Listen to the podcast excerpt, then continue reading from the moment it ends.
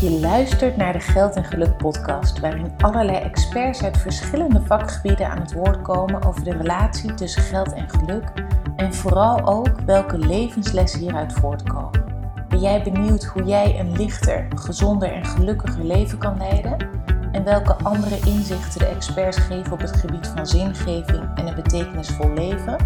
Dan is deze podcast echt iets voor jou. Ik ben Emma Hafkamp, GZ-psycholoog, coach en yogatherapeut en oprichter van Praktijk Lux. Ik help leiders aan de top naar een lichter, gelukkiger leven vol zin en betekenis.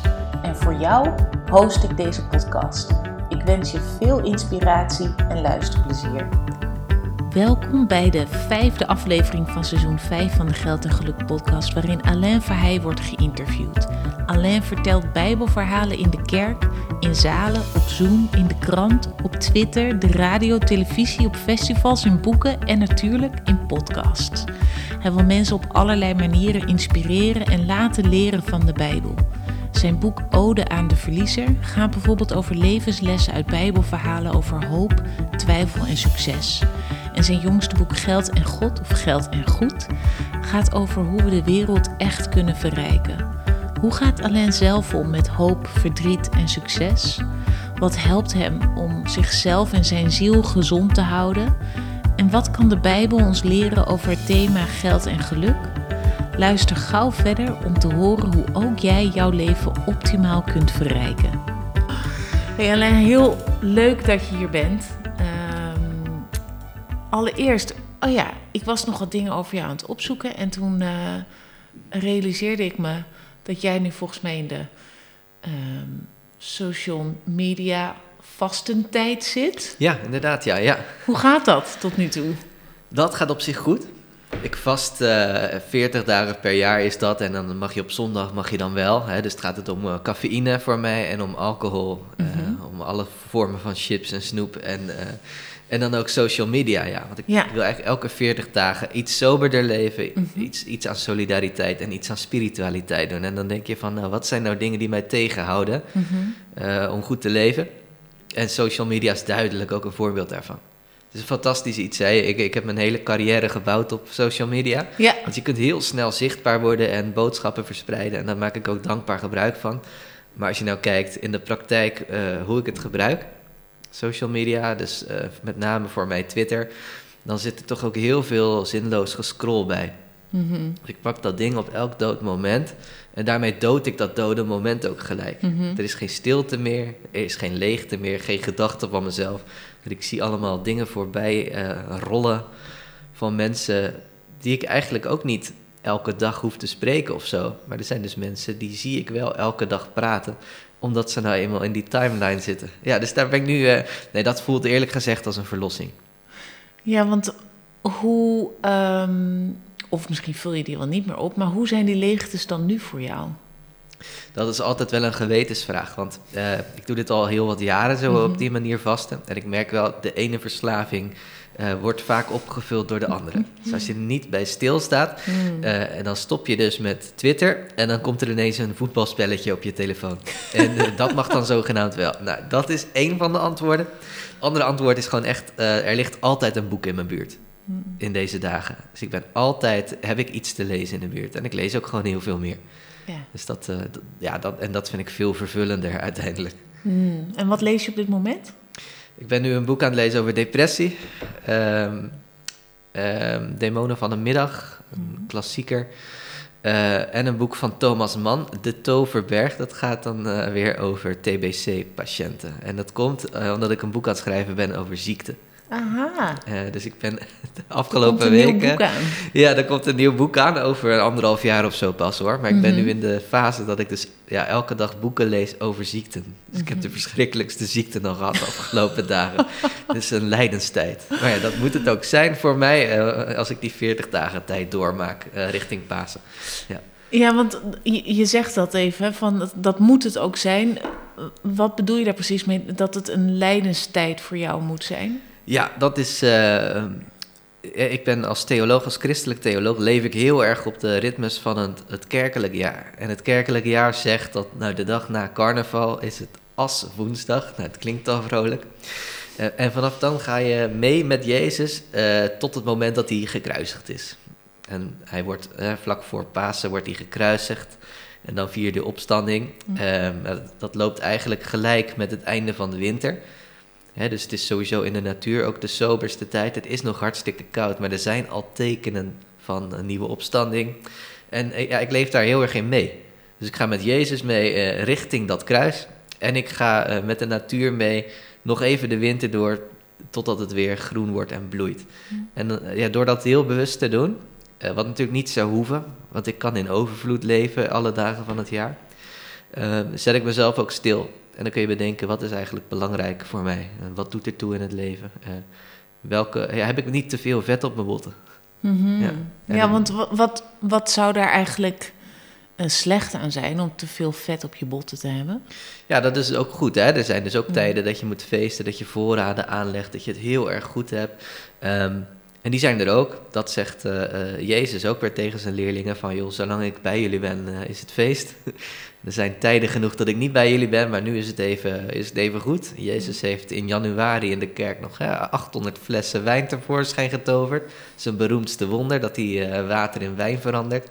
en daarna, ja, hij gaat toch ook op een gegeven moment gaat hij 40 dagen de woestijn in. Dus blijkbaar horen die ritmes erbij.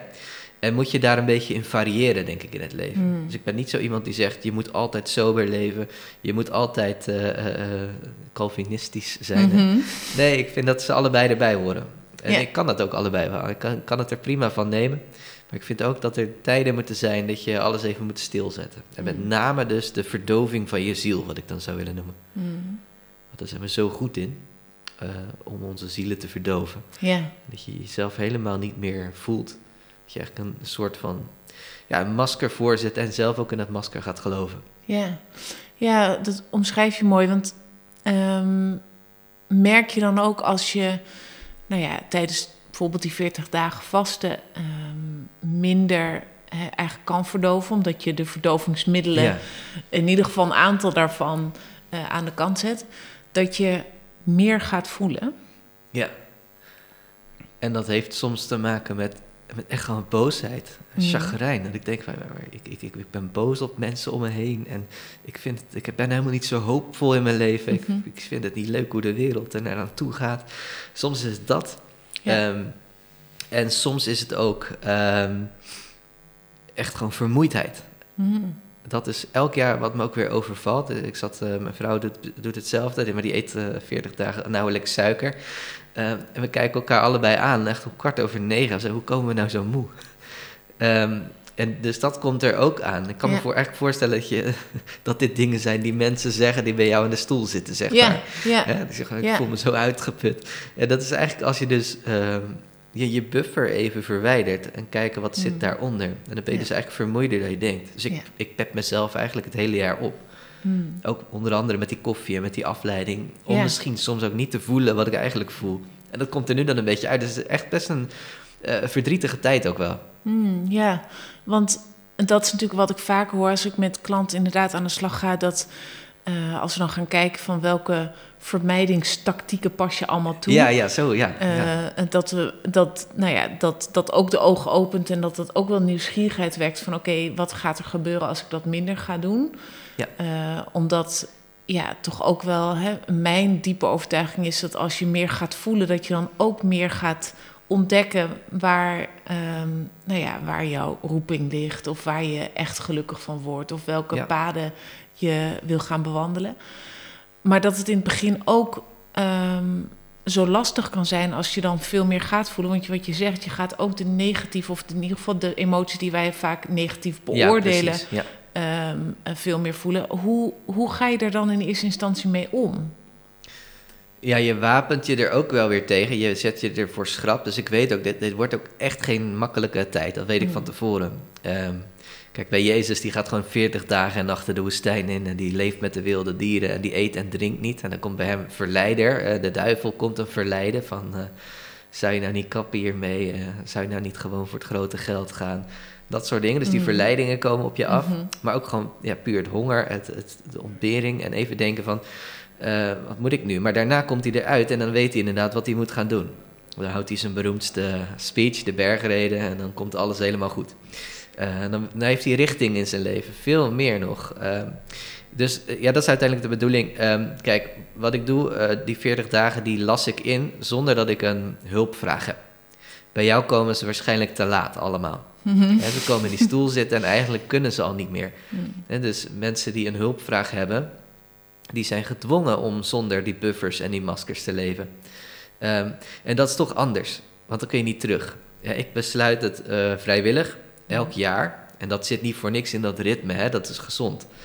Uh, en ik weet ook, het is straks weer Pasen. En met Pasen ga ik in, het, uh, in een donkere kerk naar binnen met een kaarsje in mijn hand. En midden ergens in die viering gaan alle lampen aan, hoor je harde muziek, gaan de bellen rinkelen en dan is het Pasen en dan is het weer afgelopen. Dan gaat de vreugde komen. En toevallig is het dan ook altijd, bijna altijd hè, mooi weer wordt het dan. Omdat het gewoon dan lente is. Ja. Dus ja, dat, dat weet ik ook. En daarom, ehm, ja, dat is dus een verschil. Als je dat dus gecontroleerd invoert in je levensritme, mhm. of in je jaarritme, mm kan dat heel erg helpen. Omdat er dan geen noodzaak achter zit. Uh, en dat voelt toch veiliger. Het voelt natuurlijk een stuk hulpelozer als je aankomt en je zegt van... joh, ik kan echt niet meer. En jij zegt, ja, stop maar met die vermijding, ga maar voelen. En dan denk je, maar ik wil helemaal niet voelen. En terwijl ik zeg, ik ga nu is, ja, precies, het over, over, kan je overweldigen. En het kan nou 17 jaar opgespaard zijn. Mhm. Terwijl, ja, dus in dit oude ritme, dat ik ook, zeg maar, ik heb het zeg maar zeven jaar geleden, ben ik ermee begonnen zelf. Heb ik het herontdekt in mijn eigen traditie. Mhm. Maar die traditie bestaat niet voor niks, denk ik. Die dwingt je gewoon, uh, ga eens voelen zonder dat het nou echt slecht met je gaat en je wel moet. Ja, ja. ja dus, dus waar ik ook heel erg voor sta, eigenlijk een heel erg uh, preventief iets ook. Ja. Het voorkomt eerder dat je te ver doorgaat en te lang niet voelt. Ja. omdat je dit op een jaarlijkse basis herhaalt. Ja, precies. Ja. Het is echt een, het is een dosis eigenlijk die je jezelf mm. toedient. Een dosis soberheid, een dosis extra voelen. En daarna begrijp je ook wel weer waarom je al die eh, vermijdingstactieken eigenlijk had. Mhm. En die ga je dan weer een beetje opbouwen. En dan aan het einde van het jaar nou, begint het allemaal weer opnieuw. Ja. Het heeft ook, iets, uh, heeft ook wel iets grappigs inderdaad. En je bouwt ook allemaal weer op. Al probeer ik dan wel uh, elke 40 dagen tijd dan twee dingen te verbeteren aan mijn leven. Zo van deze twee dingen laat ik echt achter. Die ga ik mhm. echt niet meer doen. Nee. En ik weet nog niet wat het dit jaar wordt. Dus dat dient zich op een gegeven moment aan? Ik hoop het. Ja, dat ik dan denk van ja, maar dit, hiermee blijf ik gewoon stoppen. Of dit, dit goede gedrag blijf ik vertonen. Ja, ja. ja. ja want je, je noemde in het begin al even hè, van nou, je bent, um, je bent theoloog. Ja. Um, hoe is dat beroep op jouw pad gekomen? Ja, dat is eigenlijk, je hebt um, je hebt van die kinderen die zijn daar gewoon van jongs af aan al. Eh, dan ligt het zo voor de hand dat je dat doet. Dus ik was als jong uh, jongetje gek op de farao's, het oude Egypte. Uh, leerde ik hieroglyphen schrijven en zo. En ik keek dan eindeloos naar die plaatjes van die piramides en die gouden maskers en zo. Die tekende ik na, dat vond ik prachtig. Dus toen dacht iedereen, nou ja, die gaat ergens iets met geschiedenis doen of iets met uh, geestelijkheid. Want ik heb een christelijke familie gehad, christelijke opvoeding. Mhm. En ik ging wel graag mee naar de kerk, geloof ik. Dus nou, ik ben inderdaad eerst geschiedenis gaan doen. En uh, toen had ik daar een vak. En dat vak dat heette, uh, dat was een keuzevak. Dat zou bepalen of ik naar jaar twee mocht van geschiedenis. Nou, bindend studieadvies. Ja. En dat was een keuzevak. Dat heette Wie is wie in de Bijbel. Dat is gewoon algemene historische kennis. En dat kon ik zonder te leren natuurlijk halen. Omdat ik met de paplepel die verhalen had ingegoten gekregen. En toen dacht ik, ja, dankzij de Bijbel mag ik naar jaar twee van geschiedenis. Maar weet je wat, ik ga maar gewoon uh, die Bijbel bestuderen. Ja.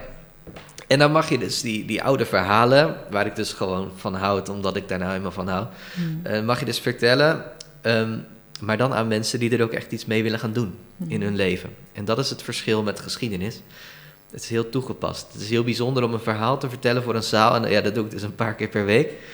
En dat er een hele groep mensen zitten die denken: ja, dit verhaal uh, van 2300 jaar oud uit een heel ander land uh, gaat over ons. Hmm.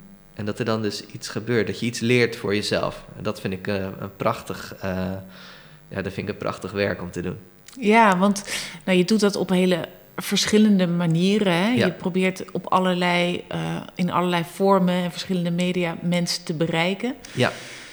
Als je daar nou eens helemaal boven gaat hangen, wat, wat hoop je dan vooral dat mensen van jou of van of via jou van de Bijbelverhalen leren? Uh, ik denk dat het vooral gaat om, uh, om zin en om hoop. Ik denk dat die dingen ook wel samenhangen. Mm. Dus dat het gaat om mensen uitzicht te geven dat, dat het leven zin kan hebben, dat de wereld goed kan zijn, een goede plaats om in te leven.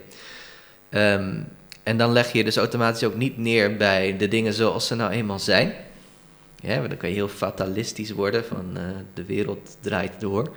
En wij zijn maar een van de zoveel miljard. En uh, we, worden geboren en we gaan dood. En het heeft allemaal helemaal geen zin. En dus, er verandert nooit iets. Um, dat is dan ook iets waar je tegen in opstand komt. Dus er zit in wat ik wil doen met die Bijbelverhalen ook iets opstandigs. Iets van het hoeft niet te gaan zoals het gaat. Het is niet zo dat we allemaal in een neerwaartse spiraal gaan. Hm. Terwijl ik denk dat uh, veel media-uitingen je wel op dat spoor zetten. En je leest wat er gebeurt in het nieuws. Je krijgt ook altijd de slechte berichten binnen en de slechte vooruitzichten. Daar kun je ook een moedeloos mens van worden. Een moedeloos mens dat zichzelf vervolgens verdooft met entertainment. En dan zing je het hoopje uit totdat je, totdat je er bent. Ja. Uh, of totdat je ziek wordt. Of totdat je zelf ziek wordt, ja. En, dan, en dan zitten ze weer bij jou. of op heel andere plekken. Nee, inderdaad. Ja. Dus totdat je stil wordt gezet. Ja. Burn-outs of, of inderdaad lichamelijke ziekte. Of je mhm. verliest iemand op een leeftijd dat het helemaal niet zou horen. Uh, en dat soort momenten. En eigenlijk, jij had het net over preventie, dat dat belangrijk is. Ik probeer ook, uh, door die Bijbelverhalen te vertellen, probeer ik ook uh, mijn eigen ziel gezond te houden. En die van andere mensen die die verhalen horen. Mhm. Zodat je ook, ook klaar bent voor tegenslag zodat je er als stevig staat in deze wereld. Ja, ja maar dat, dat je mooi. Je probeert je ziel gezond te houden. Wat zijn nou elementen of, of uh, misschien zelfs wel strategieën of uh, thema's die uh, in ieder geval voor jou helpen om jouw ziel gezond te houden? Ja, dat zijn, ik noem zelf altijd drie dingen. En ik kleur ze zelf uh, religieus in, dat is duidelijk. Uh, voor mij zijn verhalen het belangrijkst. Uh, ik weet niet zeker of dat universeel is hoor, maar ik geloof wel heel erg in de kracht van verhalen. ik merk bijvoorbeeld in een tijd dat niemand tijd heeft, heeft iedereen tijd om de nieuwe Netflix-serie in één weekend te kijken. Dat is iets heel bijzonders, maar dat zijn verhalen. Elke reclame vertelt een verhaal. Het vertelt niet van, nou, dit zijn de voordelen van dit en dat product. Maar het vertelt, uh, als je dit drankje neemt, krijg je vleugels. Hè? Dat zijn een beetje de manieren waarop we elkaar de hele tijd verhalen vertellen. En dat hebben we nodig, ook om van elkaar te leren en om het leven een plekje te geven. Dus ik dat de grootste wijsheden vaak in verhalen worden verpakt. Dus daar geloof ik erg in. Uh, en de Bijbel staat nou, toevallig vol met verhalen, dus daar kan ik uitputten uit die bron. En ik merk dat als ik die vertel, op zo'n manier um, ja, dat kan niet, ik kan dat niet met elk Bijbelverhaal op, op elk moment. Hè. Maar ik moet bijvoorbeeld elke week één Bijbelverhaal vertellen op zondagochtend in de kerk. En daar leef ik dan de hele week mee. En elke week heb ik dan een gevecht met dat Bijbelverhaal. En op zondag vertel ik het verhaal van, van mijn verhaal met, die, met dat Bijbelverhaal. En dat verhaal knoopt zich dan vast aan de levensverhalen van al die mensen die dat horen. Hmm. En die worden er wijzer van. Hè. Die, die, er gebeurt iets. Het verhaal wordt groter dan zichzelf. En dat, gebeurt eigenlijk elke week wel. Dus dat vind ik iets bijzonders, dat is voor mij belangrijk. Ja. Ehm, zeg je daarin ook dan dus dat een verhaal pas echt betekenis krijgt als het in interactie komt met je eigen leven? Ja, ja dat denk ik wel. Um, en zo heeft het dus ook heel veel diepte gekregen, omdat het in de loop van de eeuwen zijn deze verhalen vaak doorverteld en doorverteld. En dan merk je dat er iets mee is gebeurd. Um, Kijk, ik, ik weet bijvoorbeeld, uh, ik, ik weet van bepaalde Bijbelverhalen die voor mijn opa en oma een belangrijke rol hebben gespeeld. En voor mijzelf op een heel andere manier ook weer. Zo, ik sta nu dus bijvoorbeeld soms op de kansel en dan moet ik preken over de trouwtekst van mijn ouders of van mijn opa en oma. En dan denk ik, ja, tientallen jaren geleden was dit uh, een heel belangrijke tekst op een heel belangrijke dag. Nou ja, zo gaat dat maar door en dan mm. wint dat ook aan gewicht. Ja. En zo merk ik ook, ja, soms heb ik dus een verhaal met zo'n Bijbelverhaal. Kom ik het vertellen en dan komt er iemand uh, aan en die zegt: Ja, maar ik heb met dit verhaal dit meegemaakt. En dan wordt het ook weer verrijkt. En dan neem ik dat weer mee naar de volgende. Ja, dat is een fantastisch iets. Ja, dat wordt steeds groter. Dus, dus, dat is voor mij nummer één. Ja. Ik blijf altijd bij één hangen, namelijk. Dat zijn die verhalen, daar komen altijd weer bij terug. Uh, twee zijn rituelen.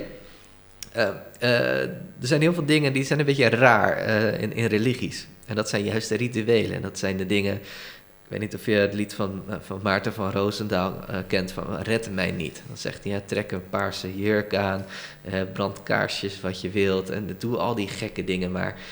en al die rare dingen in religies, als je er van buiten naar kijkt, dan denk je, wat zijn ze nou aan het doen met die, die belletjes en die kaarsjes die ze aansteken en dat water op die hoofdjes van baby's.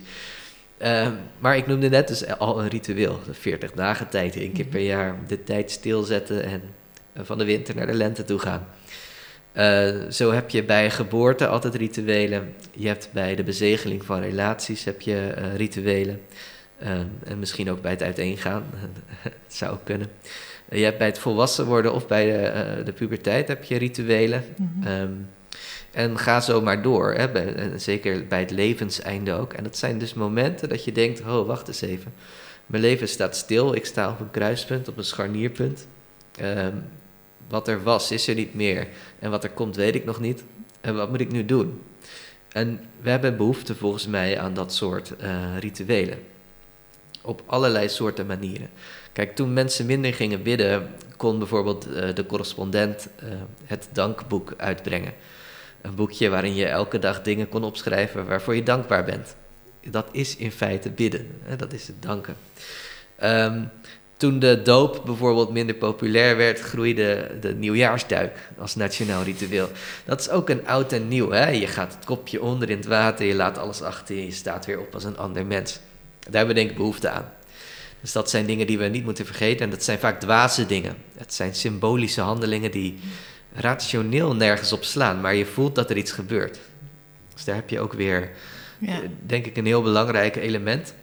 Is het dan ook een manier om, en vanuit de antropologie noem je dat ook dan vaak rietenpassage, dat je echt betekenis wil geven aan die overgangsfase, die juist vaak ook ongemakkelijk kunnen voelen of stroef kunnen verlopen. Of eigenlijk dat je nog niet, je voelt dat er een, een, nieuwe fase aankomt, maar je weet nog niet waar je heen gaat. Dat het ook daarin juist wat steunend kan zijn om juist op die momenten die niet zo gemakkelijk zijn, toch dan houvast te kunnen vinden. Ja, dat denk ik wel. Ik denk dat je, je staat dus ergens bij stil en je zet ook een mijlpaal in de tijd. Van kijk, dit is het nu en daar kijk ik op terug. En achteraf denk je, wat was ik nog een kind? Maar toen dacht je, hé, hey, ik word heel groot. En nou, dat soort ja. uh, momenten, ja. Ja, dat is toch belangrijk, denk ik. Ik was dus bezig, want ik heb uh, mijn boeken schrijf ik met een uh, niet-religieuze uitgever. Dus ik ben eigenlijk altijd met mijn uitgever aan het overleggen van welke dingen spreken jou nou wel aan en welke hmm. niet. Is dat een bewuste keuze van jou geweest? Um, ja, ik heb niet, het is niet dat ik uit tien uitgevers kon kiezen, dat is niet zo. Maar ik vond het wel echt heel interessant om met een niet-kerkelijke uitgever te praten. Die bij alles dacht van, oké, wat zeg je nou eigenlijk Alain? En dit is dus, uh, dat is een vrouw van mijn leeftijd die mijn uitgever is. En ik, ik, ik zat te zoeken en ik zei van, ja, er is eigenlijk nooit iets in de plaats gekomen uh, voor het uh, christelijke, nou ja, je hebt het Joodse bar mitzwa, dat is uh, als je 12, 13 bent. Uh, de islam heeft uh, rituelen als je 12, 13 bent. rond die leeftijd, en de katholieke kerk ook, rond die leeftijd ga je zeg maar, ja, dan ga je richting middelbare school, richting de tienertijd. En daar moet je een ritueel voor hebben. Dus ik, dat hebben we niet meer. Toen zei ze, ja wel, de, de, groep 8 musical, dat is ook een ritueel, een rietenpassage. Toen dacht ik, oh nou, wacht eens even. Dus uh, we zijn ook al zijn we totaal niet, uh, niet meer officieel religieus in dit land, en meer dan de mm. helft niet, uh, toch zijn we rituele mensen en dat blijven we ook. Ja, ja. ja. Dus dat is het belangrijkste. En, ja, en het derde, wat ik, dat is ook het laatste, mm. Eh, dat is gemeenschapszin. En dat is totaal voor de hand liggend. Dat is gewoon je inbedding in een sociale structuur. En um, ja, ik, kijk, er is, uh, ik heb dat wel eens gezegd. Um, als je dus een oh ja, als er een baby is, je hebt een baby, dan komen je echt je intimi komen op kraambezoek. Dat zijn echt dat je, je dichtstbijzijnde, hè, de belangrijkste mensen in je leven. Uh, en je gaat ook naar het gemeentehuis. Dan wordt je kind een van de 17 miljoen Nederlanders officieel. En daar moet ook iets tussenin zitten, denk ik. Dus, uh, en dat zijn we misschien een beetje aan het verliezen. Dus de intimi hebben we vaak nog wel. Als je geluk hebt, heb je nog wel een paar goede vrienden en familieleden. Uh, veel mensen zijn daar nog wel mee gezegend, gelukkig. Um, En we zijn ook zeker burgers van een land. Dat kunnen we zien omdat we gewoon die persconferenties van de corona allemaal konden kijken. Die gingen over ons allemaal. En uh, het nieuws gaat over ons allemaal. Dus heel mm. veel nationaal. Maar daartussenin uh, zou je eigenlijk veel gemeenschappen moeten hebben. En zo heb je bijvoorbeeld sportverenigingen die kunnen die functie vervullen. een, een, een buurt, gewoon hè, mensen die veel doen met elkaar in de buurt. Terwijl ik mijn, eigenlijk mijn overburen niet eens ken. Mm. Nou ja, zo kun je dus ook een kerkelijke gemeenschap hebben. Dus dat is iets belangrijks. Ik denk dat wil je jezelf gezond houden, dan zul je een houding moeten geven uh, ten opzichte van het individualisme in dit land. Ja. ja, en waar ik ook aan moet denken is, um, als het dan gaat over die gemeenschapszin, gaat het ook, denk ik, dus heel erg over je kunnen verbinden met anderen. Um, en wat ik heel vaak zie is als mensen heel erg nog in die um, vermijdingstactieken en strategieën zitten, dan verliezen ze de verbinding eigenlijk dus echt met hun eigen gevoel. Ja. Maar daarmee is de verbinding met anderen ook al gelijk moeizaam. Want hoe kan je nou goed verbinden als dat contact met jezelf er niet eens Ja, je weet helemaal niet wie je, wie je bent en wat je te bieden hebt misschien. Ja. ja. Hoe, um, hoe doe jij dat? Want je zegt heel uh, open en eerlijk hè, van ja, ik heb ook allerlei vermijdingsdingen en uh, tijdens dat vasten haal ik dat er weer wat van af. Maar als je dat dan weer daar weer wat in vervalt in die andere uh, maanden van het jaar, hoe, ja. um, hoe blijf je dan toch goed die verbinding voelen met, nou ja, in de eerste plaats natuurlijk jezelf, maar ook dus daarmee met anderen? Ja, dat is elke keer toch wel mezelf er ook toe zetten. Als je het bijvoorbeeld hebt over die gemeenschapszin uh, dan heb ik ook de neiging vaak wel gehad om online contact te verwarren met fysiek contact. Hmm. En online contact is iets waard. Dat, dat hoor je vaak en dat is voor mij ook echt zo. Uh, en daar heb je verschillende gradaties in. Maar ik las gewoon laatst een stuk van iemand die zei: dat het groeiend probleem is mensen die uh, WhatsAppjes van hun vrienden met vragen hoe het gaat niet beantwoorden, maar wel hele verhalen op Twitter zetten. En daar gebeurt ook iets, uh, iets, iets raars, denk ik. En dat moeten we weer, we moeten dat echt weer basale vaardigheden aanleren. En dat merk ik dus bij mezelf ook. Dat is ook moeilijk, vind ik. Ik ben ook opgelucht bijvoorbeeld dat de kringverjaardag is verdwenen tijdens coronatijd. Ja, dat worstkaas-scenario, zeg maar. Um, maar achter, ja, uiteindelijk moet je toch denken, dat zijn wel momenten dat je de kennissen van je kennissen een keer ziet. En ik weet ook nog als kind dat ik veel naar die kringverjaardagen ging.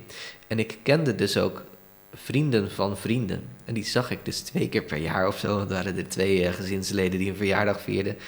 Uh, dat heeft toch ergens wel wat, zo'n sociale inbedding. En momenteel ken ik tientallen namen van mensen die ik nooit zal ontmoeten. Maar die ik wel elke dag een mening zie geven. Of op Twitter. Of, uh, ja. Het is niet waardeloos, hè, dat online contact. Maar uh, voor mij is het een valkuil, denk ik. Hmm. Ik heb in coronatijd heb ik zelf um, een, uh, een e-mailgroep gehad. Ik stuurde elke ochtend een mailtje. Dat doe ik nu trouwens ook in de, de 40 dagen tijd. Elke dag om 8 uur een mailtje met een Bijbelverhaal aan mensen. En dat was dan uiteindelijk uh, vanaf dag 1 van de eerste lockdown deed ik dat. En ik dacht, nou, we zien wel waar het schip strandt. En dat waren er uiteindelijk dan ja, 700 of zo die dan elke dag uh, erbij waren, meelazen. En toen was het kerst. En toen viel mijn kerstnacht kerkdienst uit. Hè, dat werd allemaal afgezegd. En mensen mochten geen kerst vieren met hun familie. Toen heb ik er een Zoom-meeting met al die vreemdelingen van gemaakt. Nou, er waren er dan iets van 15 aanwezig of zo. En dan heb je toch, denk ik, iets verzilverd. Dus het kan dichterbij komen. Het kan worden verzilverd. Hmm. Ik had met mijn vrouw uiteindelijk ook geen relatie gehad als die chatfuncties er niet waren geweest. Uh, in, op sociale media. Dus het heeft allemaal iets waardevols, maar je moet alleen wel oppassen dat het geen vervanging wordt voor wat er om je heen gebeurt. Ja. Dat merk ik bij mezelf. Bijvoorbeeld de hond uitlaten is een, is een moment dat ik in contact kom met mijn buurt. Ja, dan kom ik daar een, uh, een vrouw tegen die de kat van haar zoon kwijt is. En dan zeg ik, nee, ik weet niet waar die is. En dan zegt ze, kijk, hij heeft mijn hand opengekrapt terwijl hij ontsnapte. Ik zeg, ach jeetje. Ik kwam er drie maanden later weer tegen. Toen vroeg ik, hoe is het met die kat afgelopen? En toen had ik ineens een kwartier gesprekje. Uh, en dan kwam ik erachter dat ze weduwe was, nog maar kort. En dat die kat uh, ook een heel belangrijke troost voor haar was geweest. Nou, dan kom je hele mm. verhalen. En dan denk ik, oh ja, nu heb ik uh, contact met iemand die gewoon om me heen is geplaatst. En ja, dus misschien is dat, moeten we daar wel wat meer voor openstaan ook. Mm. Terwijl we in de tussentijd zelf scankassa's bouwen in onze supermarkten.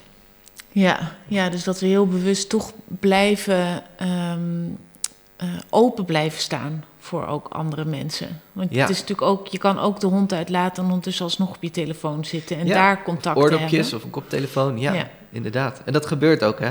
Dat doe ik ook. Ja, Dus ehm, ik, ik, ik, ben, eh, ik loop daar niet als een stralende heilige rond. En meestal is er gewoon geen contact. Maar het, het is een gelegenheid die je, kunt, die Ja. te baat kunt nemen. Je kunt heel makkelijk wegkijken, voortdurend, van iedereen. ja. Eh, maar je kunt ook eens een vraagje stellen of een, of een, een praatje maken. En eigenlijk in 9 van de 10 gevallen dat je dat doet, dus dat je die stap neemt en een, een- contact probeert te leggen, blijkt daar heel erg veel behoefte aan te zijn en blijkt Hmm. het best vervullend te zijn. ja, Eh, ja. ja, ja, en daar, daar komen we dan ook weer toch misschien bij, ehm, nou wat je zegt, hè, vervulling, eh, zingeving, betekenis geven aan je leven. Dat, dat ook juist die kleine momenten daarin kunnen bijdragen. Ja. ja, en dat betekent ook denk ik dat we, ehm, dat we weer zin in werk moeten krijgen. Dat veel werk is ook geïndividualiseerd. Ehm, ik, ik, ik las van iemand en die zei van, nou, ik, eh, ik had een, een, klusjesman en die kwam even iets oplossen in mijn huis bij de elektriciteit. Dus eh, hij kwam binnen en ik zei, hoi, het probleem is daar en daar. En toen kwam hij naar haar toe, dus zei die, gaf hij een hand. Toen zei hij, hoi, ik ben Hans. En toen schrok ze zo. En eh, hij keek ook verdrietig erbij. Hij zei, ja, de meeste mensen wijzen mij gewoon bij binnenkomst direct waar ik naartoe moet gaan. Maar ik ben ook gewoon Hans. en dat is zoiets treurigs. Er gaat zo'n wereld achter schuil. Eh, dat is ook dus de mensen die voor je werken of met wie je werkt. Hmm. eh, dat is in, in jouw verhaal is dat natuurlijk een heel andere, een heel andere verhouding hè, in jouw werk. Eh, maar bedoel, ik noemde net die zelfscankassa's. De cashiers die mijn boodschappen allemaal afrekenen, met wie ik een praatje maakte, die zijn er nu alleen nog maar om mijn tas te controleren. En alleen te helpen als het echt niet werkt met de computer. En dat is toch een heel andere verhouding die er dan ontstaat. ja. Ik vind ook dat hun werk eenzamer is geworden daardoor en minder Ja. leuk. Ja, en, en, en het blijven mensen Ja, die we ook als mensen mogen blijven zien. ja precies. Ja, We gaan zo functioneel met elkaar zien. om. Ja. En dan word je zelf ook een functie. ja, Ja, ja, dus dan, dan worden we allemaal uiteindelijk, als, hè, als je dat uitvergroot, gereduceerd tot alleen maar functionerende wezens. ja. Eh, en daar, daarmee overleven we het niet. nee, dat kunnen we niet. Nee. Dan, hè, dan word je ontzield. Ja, En dan, dan ben je eigenlijk een levende dode. Hè? Dan, ben je, dan ben je eigenlijk die zombie-apocalyps die je in, alle, in al die enge series ziet. Dat ben je eigenlijk al als je Ja. jezelf als een radertje in een, in een economische machinerie eh, laat maken. ja. En dat, is wel ook, ook, ja, dat zijn wel gevechten die geleverd moeten worden, denk ik. Hmm, ja. ja, en dat doet me ook denken aan eh, het boek dat je eerder hebt geschreven, De Ode aan de eh, Verliezer. Ja, Ehm, over, als we het nu dan hebben over ehm, ontzield zijn of je ziel juist gezond houden en voeden. Oh, nou ja, laten we beginnen met wat zie jij eigenlijk als een verliezer? En daarmee ook wat zie je als een winnaar? Ja, ja, exact. Eh, eigenlijk, eh, ja, het is een vrij ironische titel, hè, want wat we als verliezers zien als maatschappij, dat, dat, zijn geen mensen die slecht zijn of die hebben gefaald of wat dan ook. Het zijn alleen degenen voor wie het systeem niet zo gunstig is.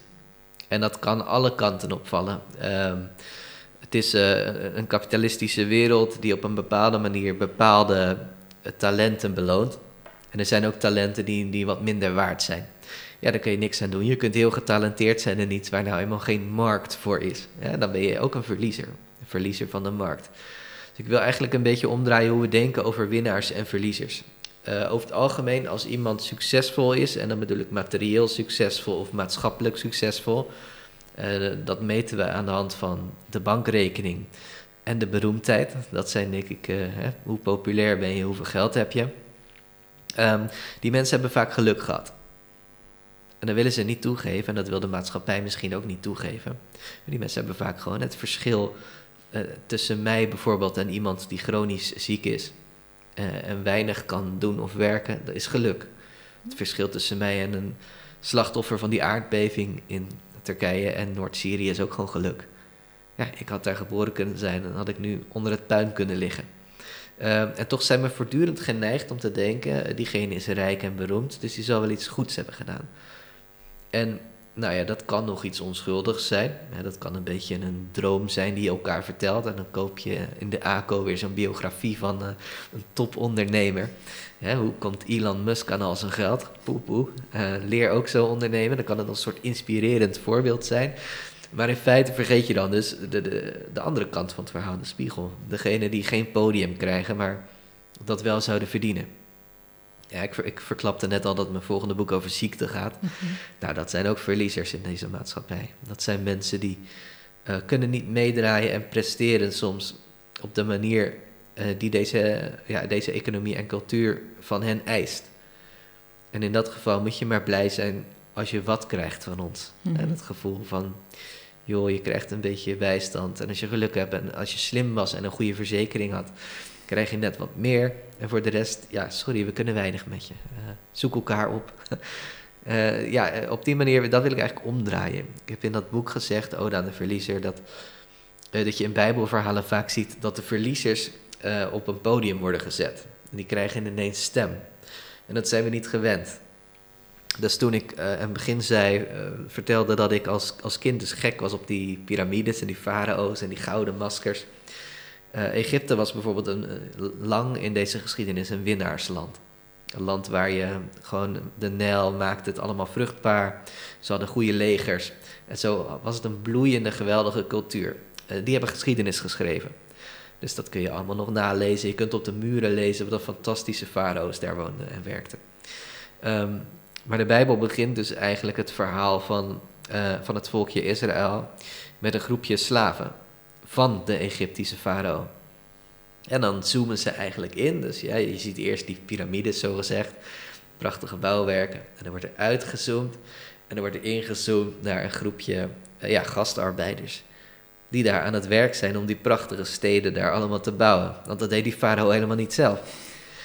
Dus dat zeggen we achteraf. En dat kun je nu ook nog in die geschiedenisboeken zien. Ja, farao die en die bouwde die en die prachtige stad. Maar die man heeft natuurlijk nooit een vinger uitgestoken. Hij is de winnaar uiteindelijk.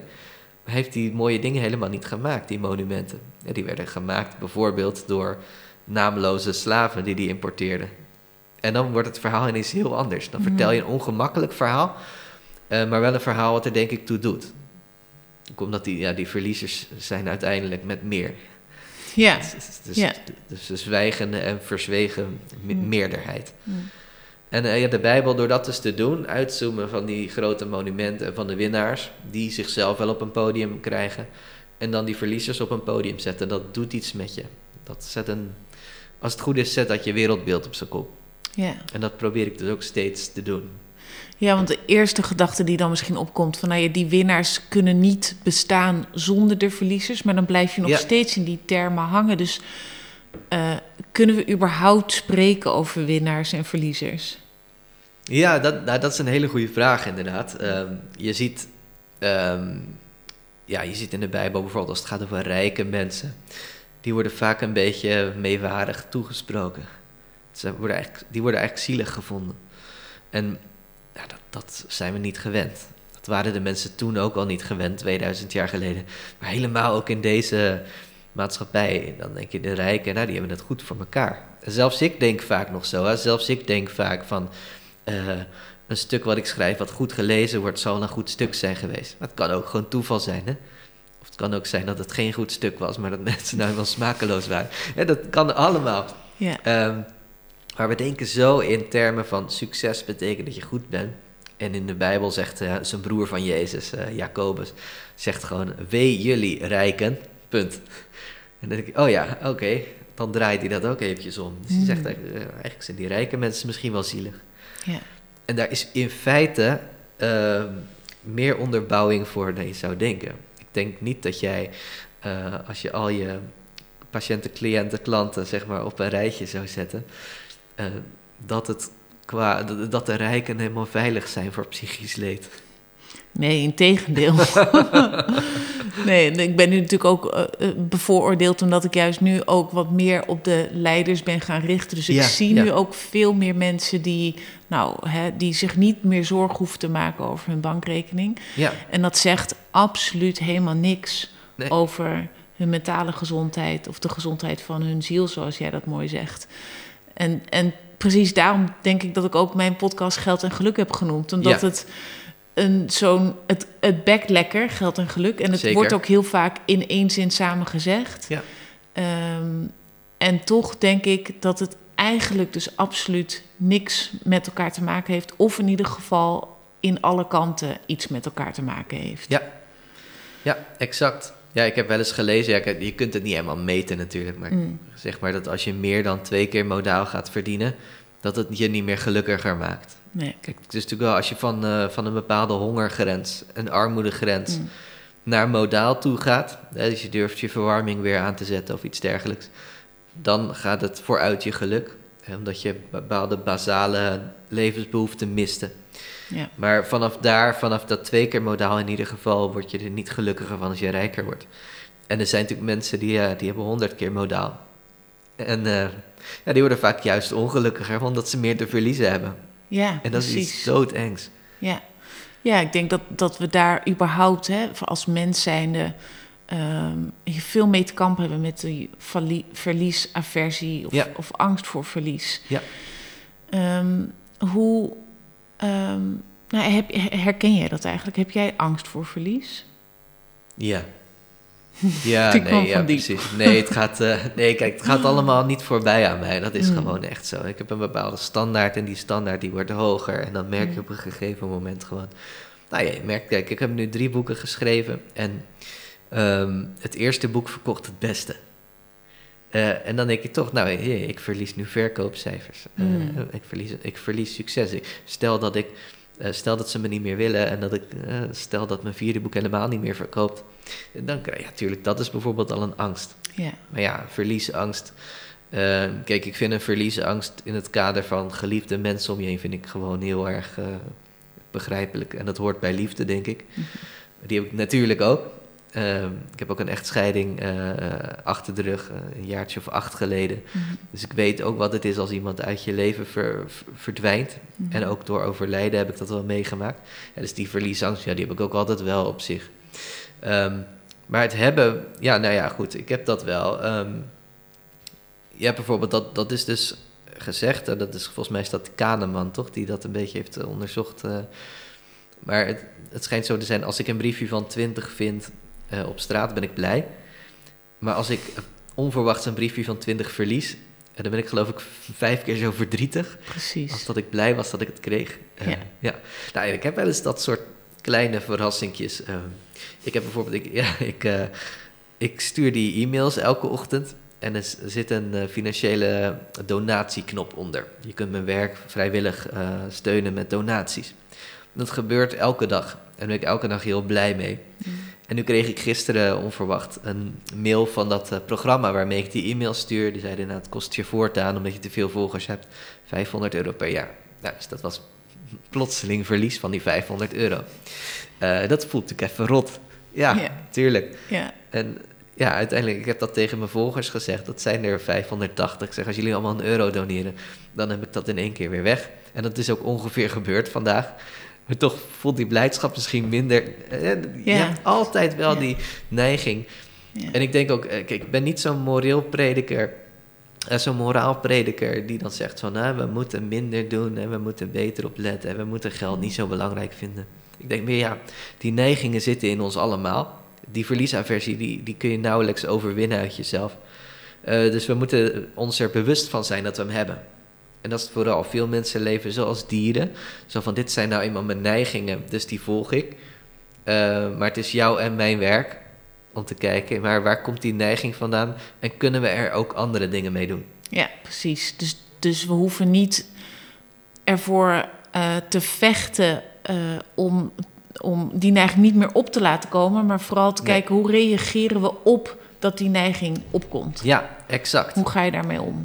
En dat is denk ik, ja, dus inderdaad niet het wegstoppen en het ontkennen, want dan mm. krijg je van die opgekropte, en hè, dat wil ik als, als, kerkjongen niet zeggen, want de, de, kerk is al een beetje berucht om het, hè, het, het opkroppen van gevoelens wegstoppen, dat mm. absoluut niet. Mm. Het wordt juist allemaal erkend. Het is er, die verliesaversie, die hebben we allemaal. En ook ik, uh, uh, ook ik vind het leuk als, eh, als iets goed verkoopt. Ook ik vind het leuk als Lowlands zou bellen van... joh, jij mag bijbelverhalen komen vertellen op een heel groot podium. Dat zijn allemaal dingen die je leuk vindt. Nou eenmaal, je denkt in die termen. Je moet je er alleen wel bewust van zijn. Van Hoeveel beter is het eigenlijk als ik bij Lowlands zit... en als ik hier bij jou zit? Hmm. Ja, misschien wel helemaal niet. Waarschijnlijk niet. Hmm. Uh, dus zo moet je het een beetje bekijken, denk ik. Wat is waardevol? Een één-op-één gesprek kan waardevoller zijn dan... Uh, dan een heel groot succesnummer wat je voor jezelf heel succesvol vindt. Dus wanneer, wanneer denk je dan dat je eigenlijk echt succesvol bent? Als je zinvol bent. Hmm. Ja, ik denk dat dat, uh, dat, dat het belangrijkste is. En dat als het gevoel van zin er is, dat er richting in je leven zit. Uh, en gegrond zijn, dus weten waar je bent, wie je bent en bij wie je hoort. Dat zijn denk ik ook heel belangrijke basale, uh, basale dingen. Ja, ja. ja. Nee, en en, en um, uh, je boek Geld en Goed of Geld en God ja. gaat over hoe we de wereld nou echt kunnen uh, verrijken. Um, vind je dan dat als, als je een zinvol leven leidt, dat je daarmee automatisch de wereld aan het verrijken bent?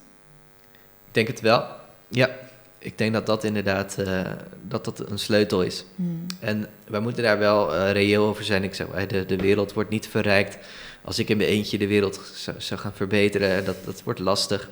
Er moeten politieke veranderingen zijn. Het, het, systeem moet denk ik om. En er zijn wel meer mensen die, die denken dat het systeem om moet. Hè. Bijvoorbeeld de ongebreidelde groei is een godheid geworden. Uh, waar we van af moeten, denk ik. Hmm. En dat gaan we ook. Dat komt omdat iedereen zegt, hè, dat, moet wel, hè, dat systeem loopt niet meer, dat loopt tegen zijn grens op. Um, dus er moeten systemische veranderingen zijn en individuele veranderingen in jezelf, in je ziel, in hoe je leeft. En alles daartussenin. Dus bedrijven kunnen heel veel doen om de wereld te verbeteren. Nou, psychologen, uh, die doen dat natuurlijk ook al.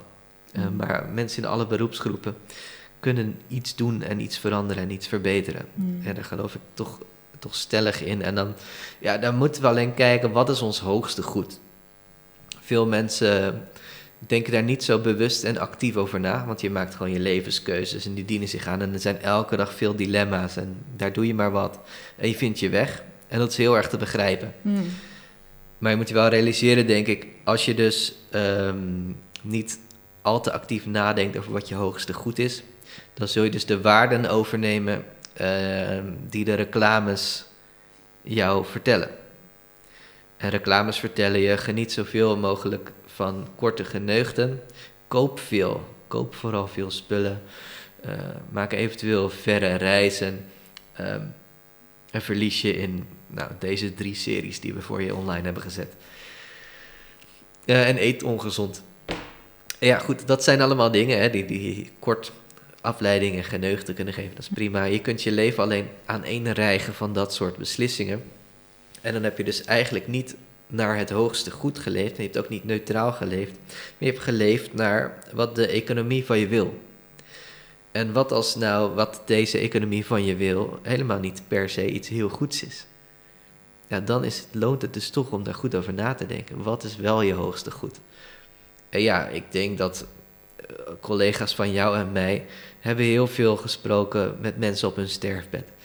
En mensen op hun sterfbed kijken terug en die denken nooit, had ik maar meer gewerkt. ik had toch wat vaker naar kantoor moeten gaan. Er is helemaal niemand die dat zegt. en ook niet had ik maar meer geld op mijn bankrekening gehad. Had ik maar die auto kunnen kopen. Nee, ik had toch die rode Porsche moeten nemen. ja. Ook al was die wat duurder. Nee, dat zijn gewoon niet de dingen die er hmm. achteraf toe doen. En ik denk dat, ja, als je gewoon je oren te, te horen legt bij deze ervaringen, bij deze mensen. Ook als het leven je toelacht en als alles je maar wat overkomt, sta je wel een keer aan een sterfbed en uh, valt er te praten. Veel van ons hebben opa's en oma's. Uh, ik ga, probeer elk jaar met 4 mei bij mijn oma te zitten, want die heeft die oorlog nog meegemaakt. En dan kun je ervoor kiezen om te luisteren en wat verhalen te horen en te leren. Uh, het is er wel, die zingeving het is er wel, de, de ongemakkelijke waarheden en uh, ja, de dingen die je vertellen van, nou sta eens stil, neem eens een beetje afstand. Waar draait het nou eigenlijk om? Ja. En ik denk dat de antwoorden bijna altijd hetzelfde zijn. Gewoon verbinding met anderen en weten wie je bent. Ja, iets zin zoeken. Ja, ja dat, dat, daar raak je denk ik aan, aan, aan de kern. Want uh, ik heb in het Antonie van Leeuwenhoek ziekenhuis met heel veel palliatieve patiënten gewerkt. Ja. Dus nou ja, dat waren inderdaad heel veel eigenlijk gesprekken in de laatste levensfase van deze mensen. En als we het dan hebben over verrijking, dan zag ik dus heel vaak dat mensen, ook al was het hun laatste levensfase, hun rijkste levensfase aan het leven waren. Omdat ze dus door die vertraging of door die naderende deadline in één keer gingen voelen. Ja. En keuzes gingen maken die veel meer in lijn waren met wat ze belangrijk vonden, wat ze mooi vonden, die dicht bij hun waardes lagen. Ja. En dat is denk ik ook precies de reden waarom ik Praktijk Lux ben gestart. Omdat ik dat de allermooiste gesprek vond, maar ook eigenlijk dus graag dat soort gesprekken veel meer wil voeren met mensen die nog niet in die laatste fase zitten, Ja. maar die nog veel meer in het begin daar zitten, zodat er nog een leven lang daarvan geprofiteerd kan worden en daarmee ook mensen daaromheen van profiteren. Nou, exact. De, Ja. de rijkdom van zo'n tijd eh, ook naar het leven van alle dag proberen te laten doorcijpelen. Ja, in ieder geval. precies. Ja. ja, en niet meer zo gewoon wat je zegt door de economie geleefd te worden. Want als je dat echt beseft, dan, dan heb je ook in één keer door... Je, ik wil helemaal niet zo'n soort van Max Schaap zijn die maar gewoon achteraan hobbelt. Ja, Ik wil regie nemen over mijn eigen leven. ja, exact. Hmm. Ja, en dat is het giftige rest. Dat die, die economie vertelt je juist dan, wees uniek, wees jezelf. Maar het zijn juist de grote fast fashion winkels die allemaal iedereen dezelfde mode aansmeren. Die zeggen, wees uniek, wees jezelf. Hey, je kunt kiezen uit deze drie smaakjes die allemaal in dezelfde winkel koopt. Eh, dus het, het wordt je een beetje voorgelogen. En ik denk inderdaad wat je zegt, dat je dan, eh, je kunt als een Max Schaap leven. En ehm, ja, als je zonder zingeving leeft, dan betekent dat niet per se dat je een autonoom denker bent. Het kan dan juist zo zijn dat je. Je kunt heel autonoom zijn zonder zingeving en dan moet je wel echt virtuoos zijn. Kun je het zelf echt goed uitdenken en bedenken. Hmm. Eh, en anders ja, word je door andermans zingeving meegenomen. Ja, Het is achteraf de vraag of je dat wil. ja. Mooie woorden. Hey, we zitten alweer bijna aan het eind. Volgens mij zouden we nog heel veel meer door kunnen praten. ja, zeker. Ehm, is er nog een, een ehm, ja, eh, levensles of verhaal, een kort verhaal, Ja, kort verhaal dan. Ja, ja, ja. eh, dat je mee wil geven waarvan je denkt, nou dat zou nog een mooie toevoeging zijn aan dit gesprek? Kijk, eh, ik hoef je niet allemaal meer de kerk in te krijgen. Dat, ik vind altijd, ik voel altijd wel een beetje die verdenking van, hè, nou, die jongen die komt, eh, die jongen die wil overal theoloog zijn en in elke podcast en dan wil die weer dat we met z'n allen weer heel gelovig worden. Kijk, ik wil alleen zeggen, voor mij zijn die drie dingen dus belangrijk. Dus die verhalen en die rituelen en die gemeenschapszin. En ik denk dat het eh, voor al jouw luisteraars ook gewoon een goede vraag is van, eh, welke verhalen zijn belangrijk voor je en wat zegt dat over jou? Het kan een De Kleine Prins zijn, dat kan in de Ban van de Ring of Star Wars zijn, of de serie Friends. En wat zegt dat over je? hè? Welke verhalen vind je belangrijk? Welke verhalen wil je eigenlijk, ehm, wil je dat jou overleven? Welke verhalen wil je dat, je dat de volgende generatie ook blijft doorvertellen? Eh, welke verhalen hoorde je van je moeder en je oma? Ehm, en dan rituelen. Wat zijn de dingen waarmee jij belangrijke momenten in het leven markeert? Of het nou oud en nieuw en je verjaardag is. eh, of een, een fase in je leven die een kruispunt is. Eh, Wat doe je dan? En kan dat meer zijn? Kun je de dag bewuster eindigen en beginnen dan je telefoon eh, in je hand houden? Want mijn telefoon gaat dus op vliegtuigmodus zodra ik in de slaapkamer kom. Zodat ik niet mijn dag begin en eindig met silo's gescroll. Eh, dat zijn ook wel rituelen. En nummer drie, gemeenschapszin. Welke mensen zijn belangrijk voor je? Eh, welke mensen zou je meer om je heen willen hebben? En, en voor wie wil je er meer zijn? En wie wil je dat er meer voor jou is? Ik denk dat die drie dingen, verhalen, rituelen en gemeenschapszin... joh, ga daar eens een dag op, eh, op zitten kouwen... en dan eh, komt er echt wel inspiratie uit. Ja, heel mooi. Onwijs bedankt voor dit gesprek. Dank voor je uitnodiging. Ik hoop dat je genoten hebt van de aflevering en dat je geïnspireerd bent geraakt. Wil je geen enkele aflevering missen? Abonneer je dan op de Geld en Geluk podcast door op de knop volgen of abonneer te klikken. Ook zou ik het ontzettend waarderen als je een review achter wil laten in de app waarmee je deze aflevering hebt geluisterd. En heb je nu het gevoel dat jij ook op zoek wilt gaan naar hoe jij een lichter, gelukkiger en meer betekenisvol leven kan gaan leiden? Bekijk dan mijn aanbod op de website www.praktijk-lux.nl of stuur een e-mail naar info.praktijk-lux.nl. Ik kijk er naar uit om je te ontmoeten.